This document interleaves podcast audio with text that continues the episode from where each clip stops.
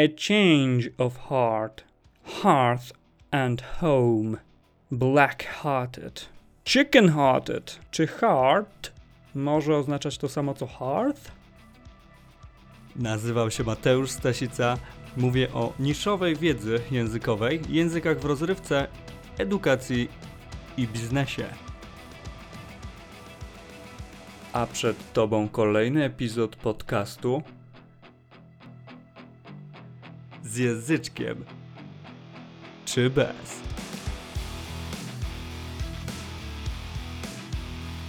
Dobra, dobra, dobra. Zaczynamy. Heart czy hearth? Jak jest serce? Serce może mieć wiele znaczeń. Istnieje wiele różnych serc i wcale nie mam na myśli jedynie ludzkiego organu do pompowania krwi. Zwierzęcego również nie mam na myśli teraz, choć niewątpliwie to z takim narządem kojarzymy wyraz serce. Jak większość słów, które towarzyszą naszej cywilizacji od zarania dziejów, słowo serce nabiera nowych znaczeń.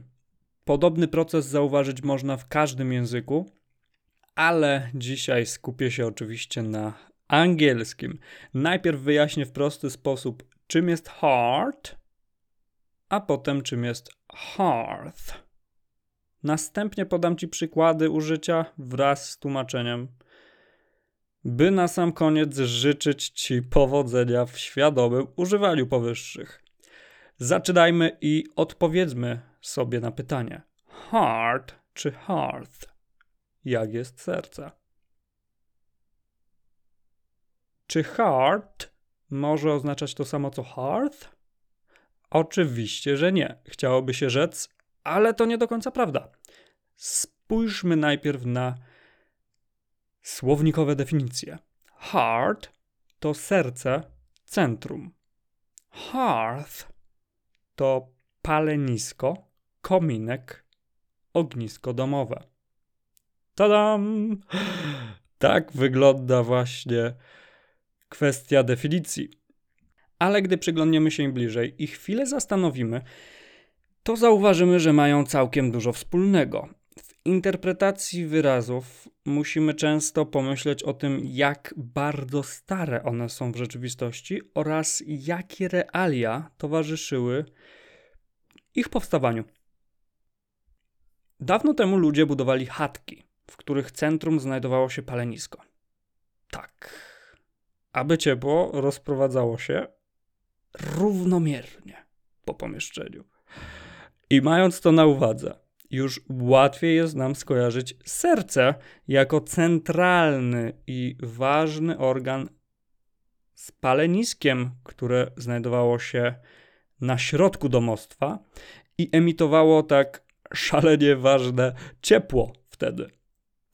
Przedstawione dzisiaj pojęcia nie są skomplikowane, dlatego pozwolę sobie na zaprezentowanie po prostu przykładowych wyrażeń zawierających je i sądzę, że wszystko teraz będzie jasne. Więc przejdźmy do przykładów i tłumaczeń. At heart, w głębi duszy. She may be 65, but she is young at heart. Może mieć 65 lat, ale w głębi duszy jest młoda. A change of heart. Zmiana zdania. A change of heart in the middle of negotiations is a bad idea. Zmiana zdania w trakcie negocjacji to zły pomysł. Black-hearted. Nikczemny. This person is evil and black-hearted. Ta osoba jest zła i nikczemna. Chicken-hearted. Tchórzliwy. Oh God, this dog is so chicken-hearted that it escapes even cats. O Boże, ten pies jest tak tchórzliwy, że ucieka nawet przed kotami. Dalej.